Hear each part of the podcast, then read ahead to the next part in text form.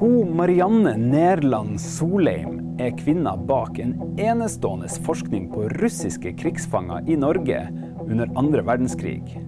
For den forskninga er hun blitt hedra med en norsk bokhandlerpris og et takkebrev fra selveste president Putin.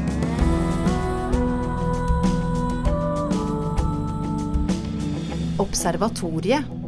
En forskningspodkast fra UiT Norges arktiske universitet. Med Geir Hevnskjell Ringvold, mannen som lurer på det meste, og Marit Anne Hauan, som bokstavelig talt lever av fortellinger. Og en ny, spennende forsker hver uke.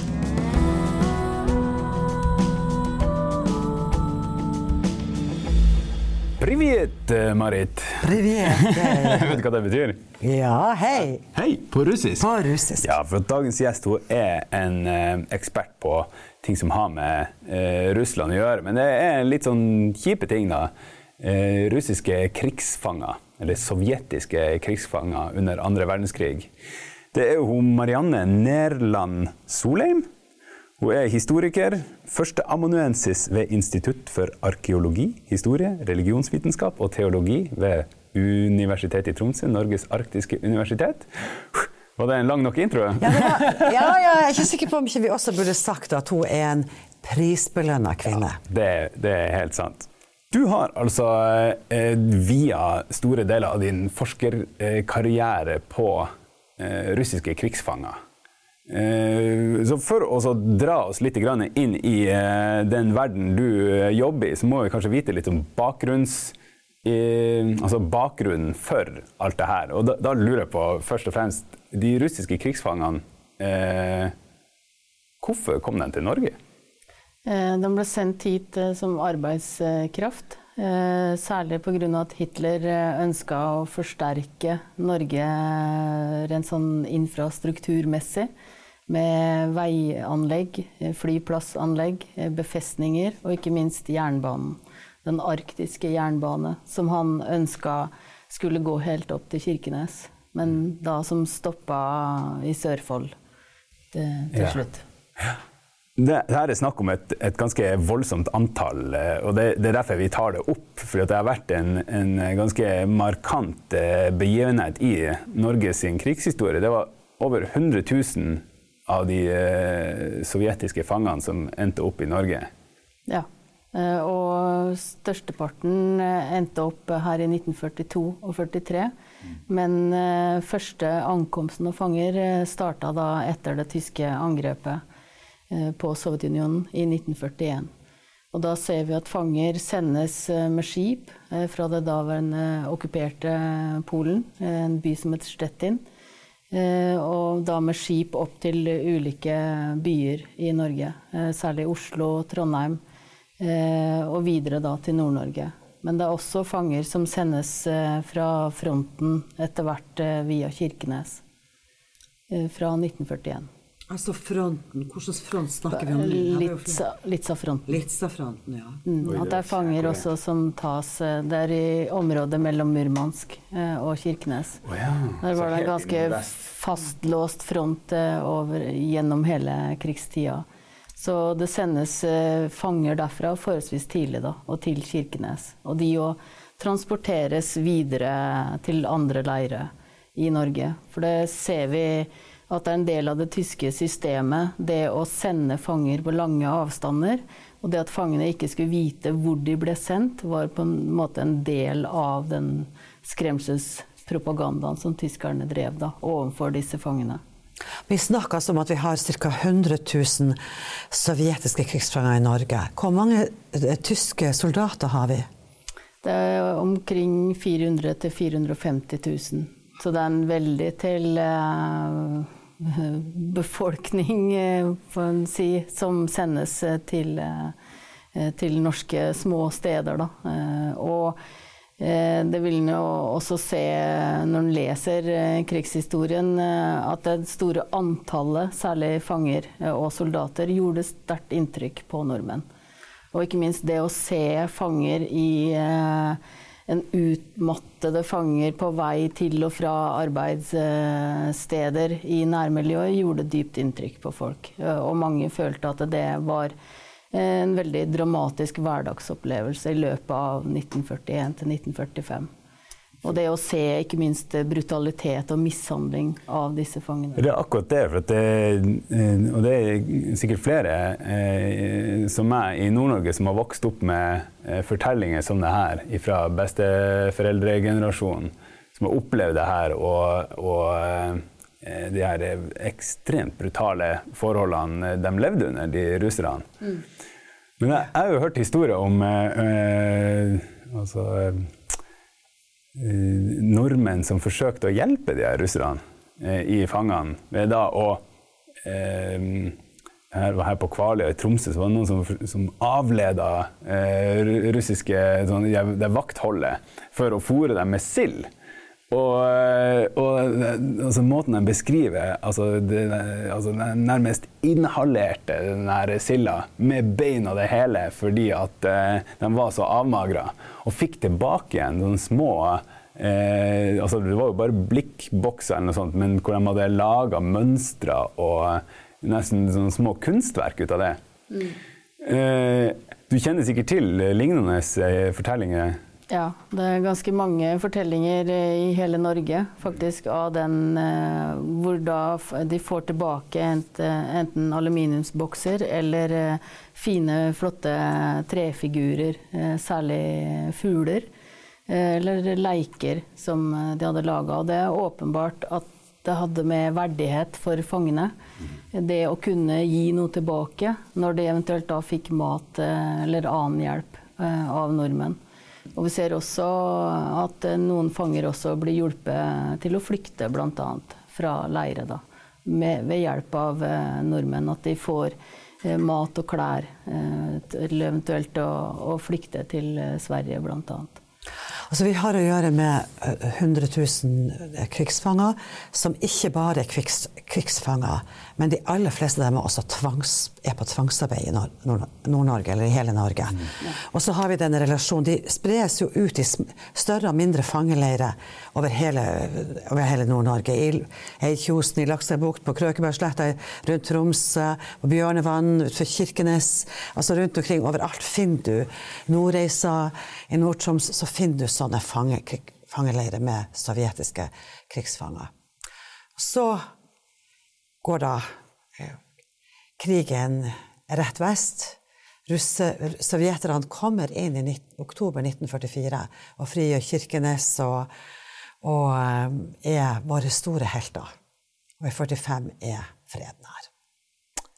Og da skjer det andre, helt andre ting. Vi har hatt nære relasjoner, vi har fått en blikkboks mot, mm. mot ei sild eller brød, et brød.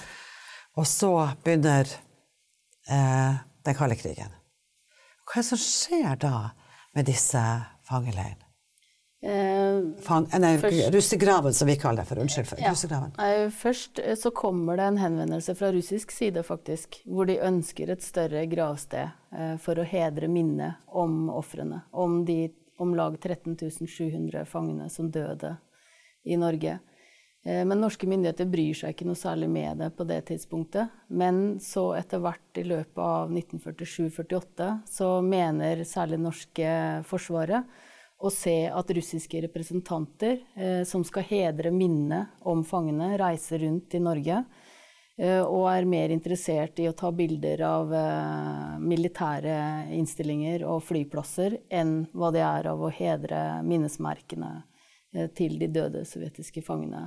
Så dette gjør at man da i 1951 vedtar til slutt, og vedtar det forholdsvis hastig, at alle, alle gravene i Nord-Norge, i Finnmark, Troms og Nordland, skal flyttes til et gravsted på Kjøtta i Sandnessjøen.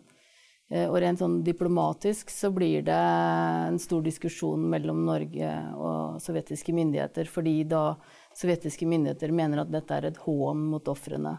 At man skal grave opp eh, lik, og at det er en skjending av gravene, da. Men et del av problematikken er også at i sin språkbruk så bruker sovjetiske myndigheter sovjetiske soldater de nevner ikke krigsfanger eh, på noe tidspunkt. Og de henviser også til at dette har vært eh, soldater som falt i kamp eh, når eh, sovjetiske styrker skulle frigjøre eh, Øst-Finnmark. Så det òg er en misforståelse. Eh, for det, det var omkring 2000 i den kategorien som falt, mens vi da har nesten 14 000 eh, som er gravlagt. Eh, og det ser vi jo også i dag på de ulike minnesmerkene, at det er lite som tyder på at det her har vært krigsfanger. Det er veldig lite identifikasjon, og på de såkalte standardsteinene som norske myndigheter har satt ned, så står det enten sovjetiske borgere eller sovjetiske soldater.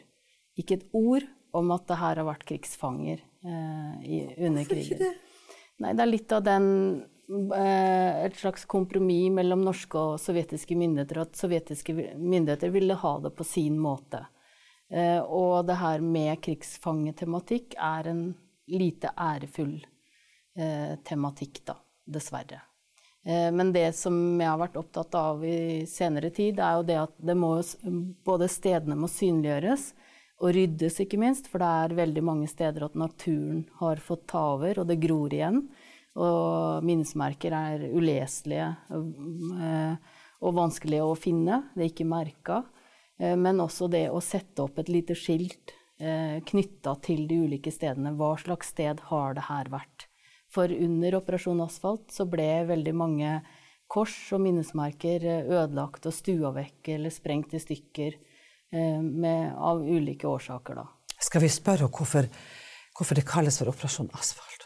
Ja, Vi må først si at det er, altså, det er det du har skrevet bok om og vunnet pris om det her som skjedde i 1951. Ja. Eh, ja. Hvorfor heter det Operasjon Asfalt? Nei, det Eh, kun pga. at levningene eh, ble frakta i såkalte gummierte sekker, som tidligere hadde blitt brukt til å, bli, å frakte asfalt i. Så da er det på en måte blitt et slags kodenavn på denne operasjonen. Da. Men hvordan er det for deg som forsker å, å eh, skal finne ut av alt det her når det er så lenge siden? Og det, kildene er så dårlige. Og eh, også, som jeg forstår det på deg, også at eh, det er ikke så mye velvilje fra verken norsk eller russisk hold på å, å, dele med deg hva det er som faktisk har skjedd her.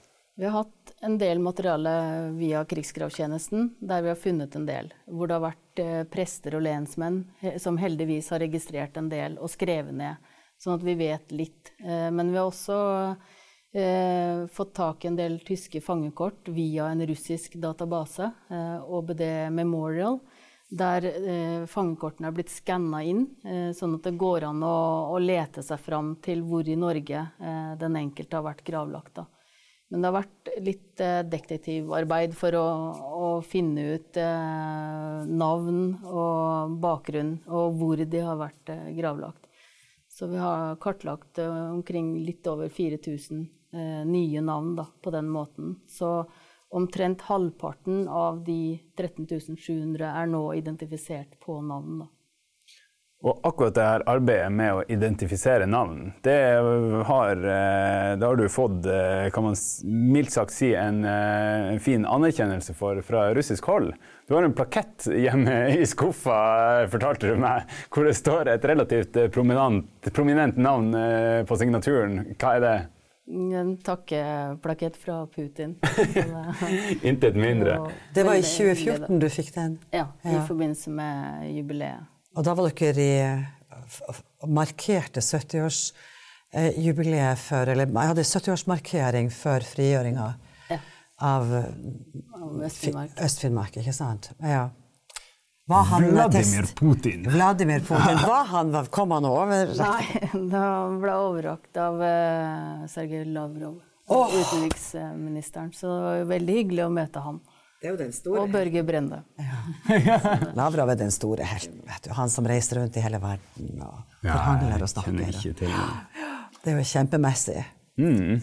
Men eh, jeg tenker det må være en fin anerkjennelse. Har dette åpna noen dører for deg? Det har, vært, ja, det har vært enklere å samarbeide med russiske myndigheter og russiske måte? arkivverket. Nei, det er lettere å få tilgang. Eh, og det at vi også eh, et, eh, I 2010 så laga vi en utstilling eh, under besøket til Eller til besøket for eh, pres, daværende president Medvedev. Eh, og etter 2010 også så var det litt lettere tilgang til arkivene, da. Hvorfor tror, tror du det? Nei, jeg tror det at det, det har snudd litt i forhold til at de eh, ser det som en positiv ting, det å skulle hedre ofrene.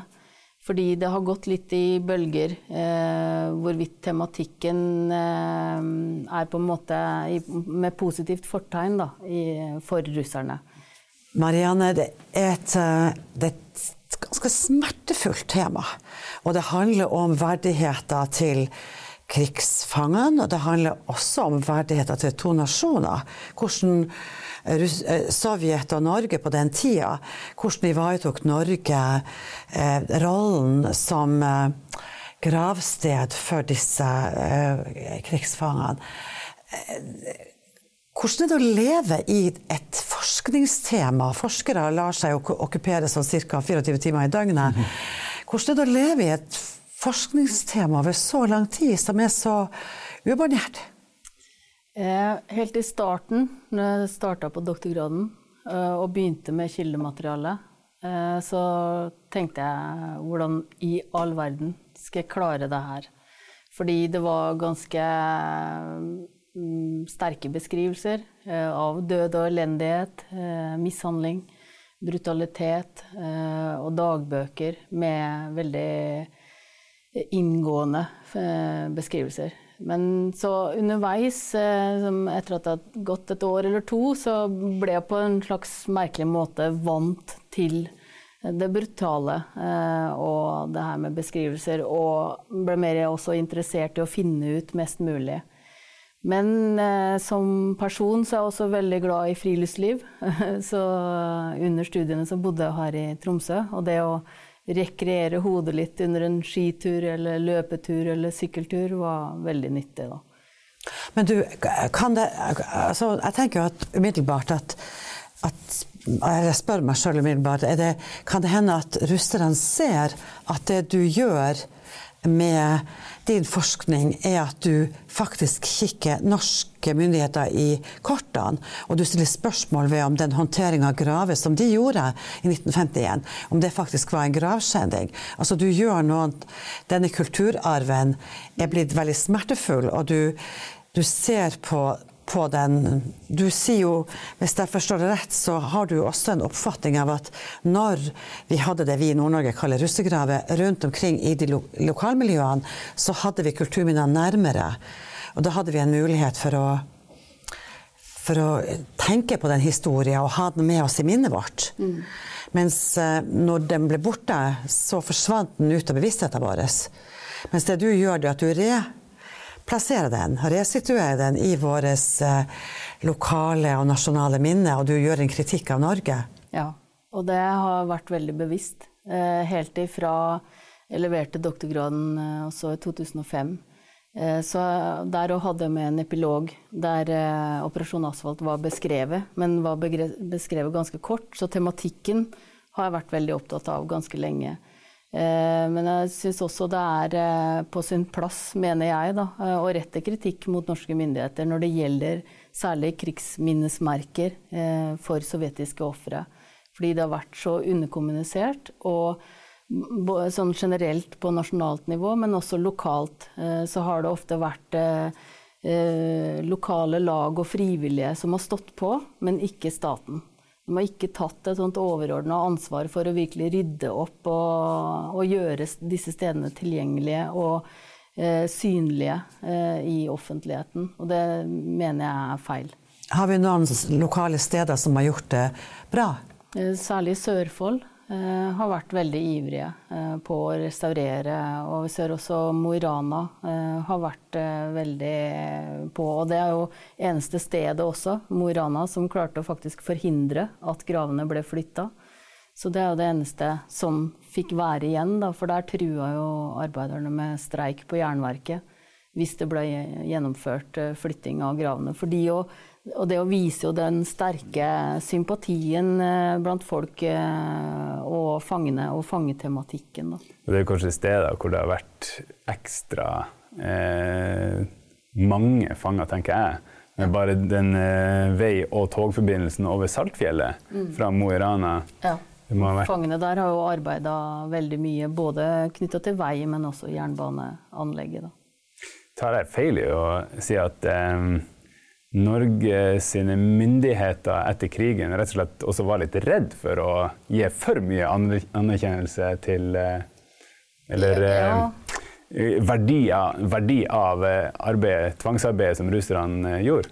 Ja, eh, og det ser vi også at norske myndigheter var redd for et erstatningsansvar. eh, Eller at det skulle komme et erstatningskrav fra russisk side eh, rett etter krigen. Fordi en så også, samtidig med de her russiske representantene som reiste rundt for å se på gravene, de målte også størrelse på grøfter, eh, og det så ut som om de gjorde vurderinger for å skulle kalkulere hva det kosta, hva det arbeidet her hadde kosta. Men hvor, hvor finner du sånn dokumentasjon? At norske myndigheter er redd for det? Det er særlig i Utenriksdepartementet sitt arkiv og i Krigsgravtjenesten sitt arkiv. da. Står det brev eller rapporter? Korrespondanse eh, dem imellom, og at det er bekymringer fra norsk eh, side. Men så ser vi jo også av tysk kildemateriale f.eks. at det arbeidet som de sovjetiske fangene hadde utført, tilsvarte omtrent 50 av, en, av et såkalt normalt eh, arbeids... Eh, eller årsverk. Mens norske myndigheter da, for å minimalisere og for å komme bort ifra det her erstatningskravet, kalkulerte det til å være jeg tror det er rundt 7,8% for å liksom synliggjøre at det arbeidet med Nordlandsbanen, med veiene, med kystbefestninger, eh, ikke skulle ha noe verdi i, i fredstid. Det er jo utrolig spennende. Altså, vi, var, vi var okkupert av Tyskland, av Hitler og hans hær. Og så har Norge likevel en redsel for at vi skal Og begynner å underkommunisere for at vi skal ha et erstatningskrav. Var det rimelig å tenke seg at vi kunne få et erstatningskrav? Ville, ville russerne, eller Sovjet, ville de ha vunnet frem i en i, internasjonal rettssak med et erstatningskrav? Ja, jeg tror nok det, hvis de virkelig hadde kjørt hardt på. For det ser vi også i det, bl.a. i det tyske eh, tilfellet. Eh, Det her med også erstatning til selve slavearbeiderne. eh, Til de som hadde vært eh, i særlig da konsentrasjonsleirer. Det var jo en stor diskusjon i Tyskland hvorvidt de hadde erstatningskrav eller ikke. Eller, men det fant de ut at det ble for voldsomt, fordi det ble, kom til å bli så stort. Men vi ser også eksempler på sivile tvangsarbeidere som bl.a. har fått igjennom og fått en liten sum da, eh, i erstatning. Men, og det er også prøvd eh, saker eh, herfra Norge, men som ikke har vunnet igjennom fordi de vært, var da nødt til å bevise at de hadde vært tvangsarbeidere, og det er svært, svært vanskelig, selvsagt. Altså, det er et russisk ordtak. Jeg må bare få si det, Geir. Jeg vet du har lyst til å snakke mer, men um, det er et russisk ordtak som er sånn her. Fremtida kjenner vi. Det er fortida som til stadighet blir ny. Det var et eh, flott ordtak. Veldig bra. Det Stemmer jo veldig bra i Ja. tilfellet her. da. Du har jo i tillegg til å fordype deg i eh, kilder som arkiv og gamle bøker og databaser og sånt, så snakker du med flere av de eh, personene eh, som faktisk har vært i fangeleirene, og som har levd under helt ulevelige kår. Hvem av dem som du har snakka med, er det som har gjort størst inntrykk på deg? Nei, det er særlig av de som har vært sivile tvangsarbeidere, eh, som ble sendt eh, Nei, av de som ble sendt til Norge eh, som arbeidskraft, da, men at de har vært sivile når de ble tatt. Og det var omkring eh, 1400 eh, av de som ble sendt eh, til Norge. Og det er faktisk også barn født i fangenskap, eh, omkring 450 barn, eh, som eh, var i disse leirene for de sivile. Og det, Slaver, da? ja, eh, eller som arbeidskraft. Men de har vært litt friere enn krigsfangene. eh, De som har vært i krigsfangekategoriene. Da. De har hatt lov til å ha kontakt med nordmenn. eh, Og de har blitt strengt behandla, men ikke fullt så strengt som de militære. Da. Så de har hatt det litt eh, friere. Men særlig det å intervjue de eh, med de opplevelsene hvor det har vært eh, menn som kanskje har vært her som eh, 18-19-åringer og unge. Eh, og som sitter på veldig mye minner på veldig godt og vondt. De har opplevd død, men også opplevd hyggelige ting i fangenskap. Eh, og når vi har gjort intervju også, så har det her eh, vært ganske gamle mennesker. Sånn at en har på en måte måtte ha vært litt forsiktig eh, i og med at det ikke har vært en etterspurt historie for de eh, i tida etter krigen og frem til i dag. Så når vi har dukka opp eh, liksom tre stykker, en forsker og en tolk og kameramann, at da setter du i gang veldig mye følelser eh, på både godt og vondt.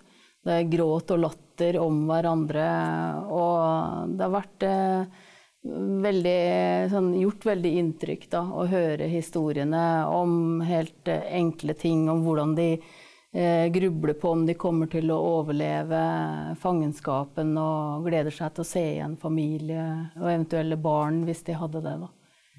Men du sier at historien deres har ikke vært etterspurt. Du er den første som etterspør det? Vi, har, vi opplevde i hvert fall det at myndighetene, russiske myndigheter har ikke vært opptatt av det. Eh, ene som vi intervjua, som da var eh, i tilknytning til et program som het Ninas historie, eh, tre søstre som ble sendt eh, til Mo i Rana. Og hun fikk ikke lov til å snakke for en skoleklasse pga. at hun hadde bakgrunn da, som eh, sivil tvangsarbeider. For det var et, eh, og hun hadde også en kjæreste i det militære. Og når han oppdaga hvilken bakgrunn hun eh, hadde, så ville han ikke ha noe med å gjøre. Og vi ser også at de forteller, de som vi har gjort intervju med, at det har vært slekt og familie og venner har blitt eh, undersøkt av myndighetene når de har oppdaga at de da har hatt bakgrunn som sivil tvangsarbeider. Så det har ikke vært lett å ha den bakgrunnen. da. Det har vært vanskelig å få jobb. Eh, og vanskelig også å forklare for familie og venner at eh, myndighetene har oppført seg på den måten, og overfor de òg, da.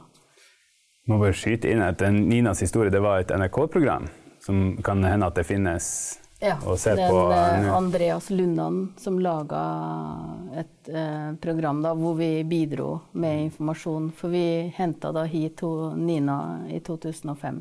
Hvor hun var fra? Hun fikk, eh, fra Minsk, i Hviterussland. Så hun reiste opp og fikk treffe de to damene som hun ble venn med eh, under krigen. Da. Så det var veldig rørende. Det var nordmenn altså, som hun ble kjent med? Ja, ja. og som hjalp dem. da. For da hjalp de tre søstrene. Og de ble jo heldigvis gjenforent med foreldrene sine når de kom tilbake til Minsk. da. Marianne, eh, de som hører på det her, må kanskje stusse litt over dialekta di. den, eh, eh, den, er jo merkelig. Men det, det, har sammenheng med at du er opprinnelig fra Skedsmokorset. Ja. Og har vokst opp eh, Hadde ungdomstida di i Kristiansund. Nordmøre. Nei, Nordmøre, unnskyld. Og Smøla. Å, oh, sorry. sorry, sorry. Jeg har gått videregående i Kristiansund. Å oh, ja. Ikke sant. ja. ja. Sånn at, eh, og nå er du vel eh, nordlending på din hals, regner jeg med? Det er omtrent. Men hvorfor eh, endte du opp med å bli historiker, og da eh, med spesialfelt? Noe egentlig såpass smalt, vil jeg si, som, eh, som eh, sovjetiske krigsfanger? Smalt og smertefullt. Ja, det er kanskje det. Nei, det er tilfeldigheter. Jeg jobba med hovedfag knytta til kvensk historie. Og så fikk jeg spørsmål eh, av eh, han som ble veileder, eh, Jens Petter Nilsen, om jeg hadde lyst til å søke på stipendiat om de sovjetiske krigsfangene. Så da søkte jeg og starta på det. Så da var jo Du leser meg en del opp på andre verdenskrig, men jeg kommer jo fra en familie som er veldig interessert i krigshistorie med en pappa som har vært i Tysklandsbrigaden, eh, og mamma også, som alltid har vært interessert i historie generelt, men også krigshistorien. Tysklandsbrigaden, det ordet det må du desjifrere for oss. Det er den norske som ble sendt eh, til Tyskland eh, på 50-tallet for å på en måte være Og det er jo kategorisert som en fredsbevarende styrke nå i ettertid. Jeg har hatt en eh, sånn generell eh, krigshistorieinteresse ja, hjemmefra. Men er det, er det sånn da Nå er du da midt i du har fått det med inn i med morsmelka, kanskje. Fars, farsvugesangen og morsmelka. Ja, du får ikke lov å si farsmelka. Nei, det tror ikke jeg. Men, men, og så har du, kom du gjennom historieutdanninga di og til, til krigshistorie, og så du, har du holdt på med det her i mange år nå. Eh, hva, hva gjør du videre? Nei, jeg har inntrykk av at det ikke blir slutt på tematikken om krigshistorie, eh, i hvert fall. Så jeg håper jo å få ideer til nye bokprosjekt. Men også deltar jeg også i det her store krigshistorieprosjektet her ved universitetet. ved Uh, AHR. Uh, så Hva er AHR? Jeg er ikke akademiker. Institutt for arkeologi, historie og religionsvitenskap og teologi. Det jeg sa helt i begynnelsen av programmet. Ja. det magiske rekka der. Er der hun er, ja. ja. Så jeg håper jo at det prosjektet uh, At det kommer mye godt ut av det. Og at, ikke, at vi ikke minst får synliggjort nordnorsk krigshistorie. Men det jeg lurer på nå, da vi er, jo, vi, er jo, vi er, jo, i 2018. I 2014 fikk du en plakett fra Putin, en av verdens største ledere. Og i 2017 så bura han inn en grensekommissær, altså Frode Berg fra Kirkenes. Hvordan blir det å forske på sovjetiske krigsfanger og komme seg til russiske arkiv i dette nye klimaet? Jeg håper det kommer til å fortsette sånn som det alltid har vært. Eh, at en har eh, gode kontakter, og kontakter som vet hva en er på utkikk etter. Eh, og syns det er forferdelig trist, selvsagt, at klimaet blir til de grader kaldt at de fengsler en tidligere grensekommissær. Men det er dessverre mye på politisk nivå som eh, ikke er helt bra for samarbeidet. Da. Og det har jeg sett i jobben som instituttleder ved Barentsinstituttet nå i fire år i Kirkenes. At det er et enormt arbeid som legges ned med grensesamarbeid eh, på ulike nivå, eh, som har fungert lenge, og som er velfungerende, og som jeg håper kommer til å fungere også til tross for at det på politisk plan og andre plan er eh, til tider svært så vanskelig. Det hjelper kanskje heller ikke at, eh, at vår egen statsminister og regjering danser pardans med EU når det gjelder sanksjoner, og ikke engang dukker opp på 70-årsmarkeringa for frigjøringa av Øst-Finnmark i Moskva, som var, Erna Solberg var invitert til. Det, det sier vi litt om forholdet mellom befolkninga i nord og vår egen myndighet. ja, det gjør det ikke enklere, i hvert fall. Dessverre.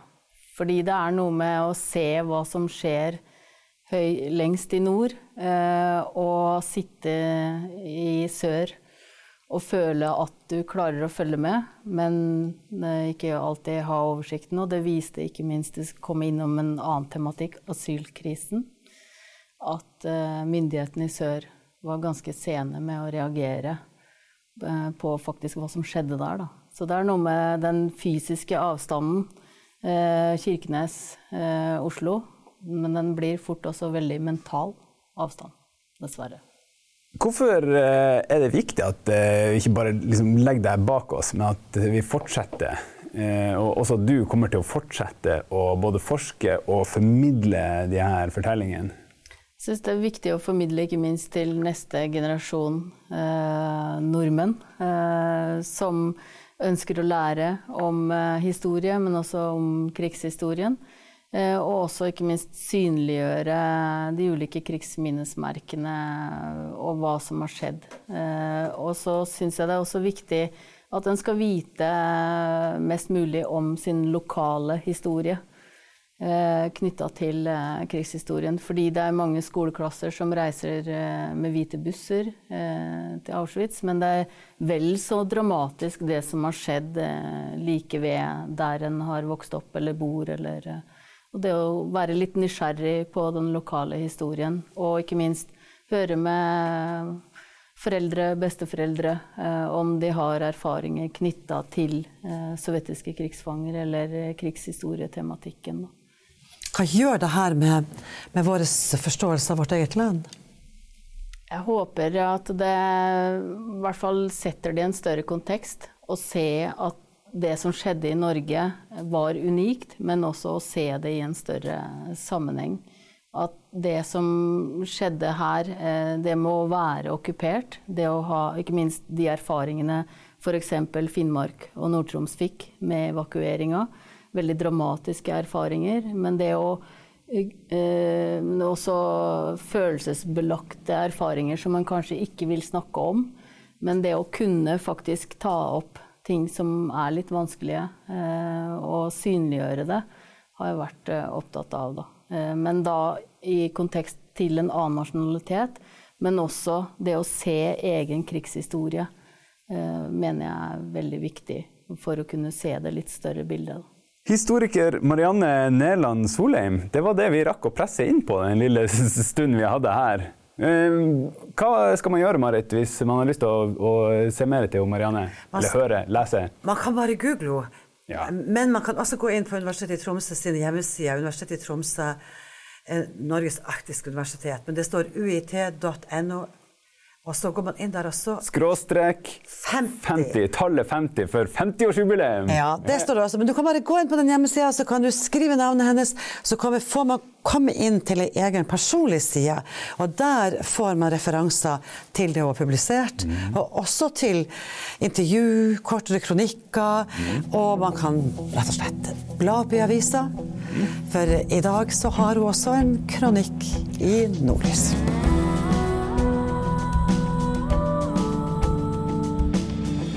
For at du hørte på oss i dag.